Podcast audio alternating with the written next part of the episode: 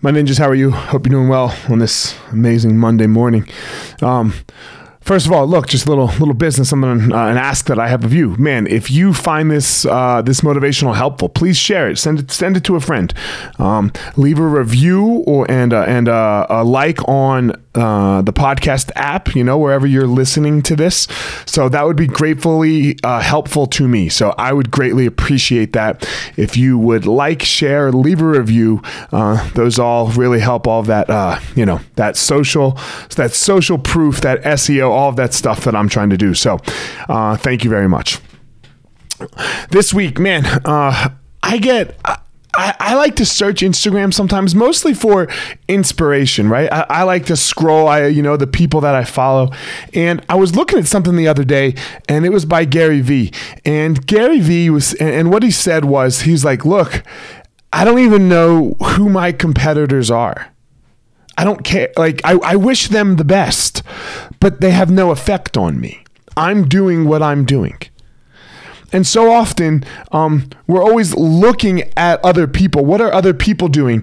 And how are they seeing me? And how are they perceiving me? And that can be such one, a waste of time, and two, uh, you know, heavy on the heart and heavy on the mind and the spirit, especially if if what's coming back to you is is very negative.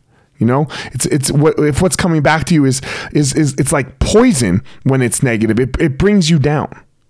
So let's stop paying attention so much. Stop paying attention to what the haters are saying. Haters, you know, everyone's heard the saying, haters are going to hate. Good for you that you have some haters. I hope you get a couple more.